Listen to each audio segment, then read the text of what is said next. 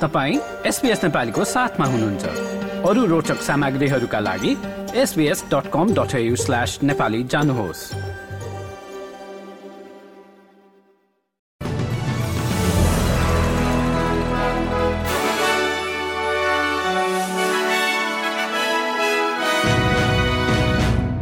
नमस्कार। आज सोमबार सत्ताइस नोभेम्बर सन् दुई हजार तेइस। अब पालो भएको छ एसबीएस नेपालीमा। आजका प्रमुख अस्ट्रेलियन समाचारहरू सुन्ने। प्रसङ्ग सुरु गरौं इजरायल हमास द्वन्दबाट इजरायल र हमास बीच चार दिने युद्ध विरामको तेस्रो दिन उन्चालिस प्यालेस्टिनी बन्दीहरूको सट्टा सत्र इजरायली बन्धकहरूलाई रिहा गरिएको छ। कतरको नेतृत्वमा रहेको मध्यस्थकर्ताहरूले युद्धविराम विस्तार गर्न दबाव दिइरहेको बताइएको छ।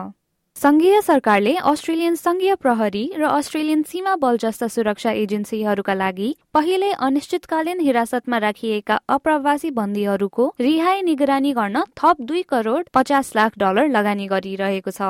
अनिश्चितकालका लागि थुनामा राख्ने कदमलाई उच्च अदालतले गैर कानूनी ठहर गरेपछि थप पैतालिस जनालाई अनिश्चितकालीन हिरासतबाट रिहा गरेको छ।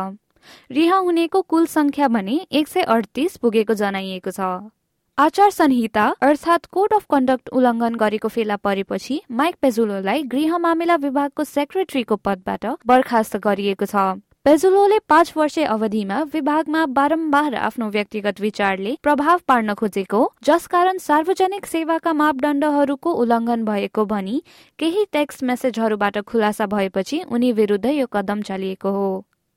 जीवन बिमा कम्पनीहरूले आनुवंशिक परीक्षण अर्थात् जेनेटिक टेस्टिङका तथ्याङ्कहरूको कस्तो रूपमा प्रयोग गरिरहेका छन् भन्ने विषयमा लेबर सरकारले परामर्श सुरु गरेको छ। आज सत्ताइस नोभेम्बरमा जारी गरिएको रिपोर्टले जेनेटिक अवस्थाको आधारमा भेदभाव गर्ने कम्पनीहरूप्रति समुदायमा उत्पन्न चिन्तालाई सम्बोधन गर्ने लक्ष्य राखेको बताइएको छ। अब खेलकुदमा टेनिसलाई जोड्दै इटलीको जितपछि अस्ट्रेलिया डेभिस कपको उपविजेता बन्न पुगेको छ। बीस वर्षमा पहिलो पटक उपाधि जित्ने आशा राखेको अस्ट्रेलियाका लागि यो लगातार दोस्रो डेभिस कप फाइनलको हार हो। विजेता ज्याक सिनरले मलाकामा अस्ट्रेलियाका एलेक्स डिमेनोरलाई छ तीन र छ शून्यले हराएर सडचालिस वर्षमा इटालीलाई पहिलोचोटि डेभिस कपको उपाधि दिलाएका हुन्। हस्त एसपीएस नेपालीबाट आजका प्रमुख समाचार यति नै।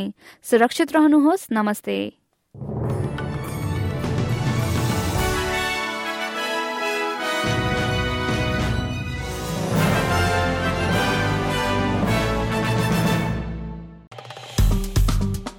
लाइक सेयर र कमेन्ट गर्नुहोस्। एसपिएस नेपालीलाई फेसबुकमा साथ दिनुहोस्।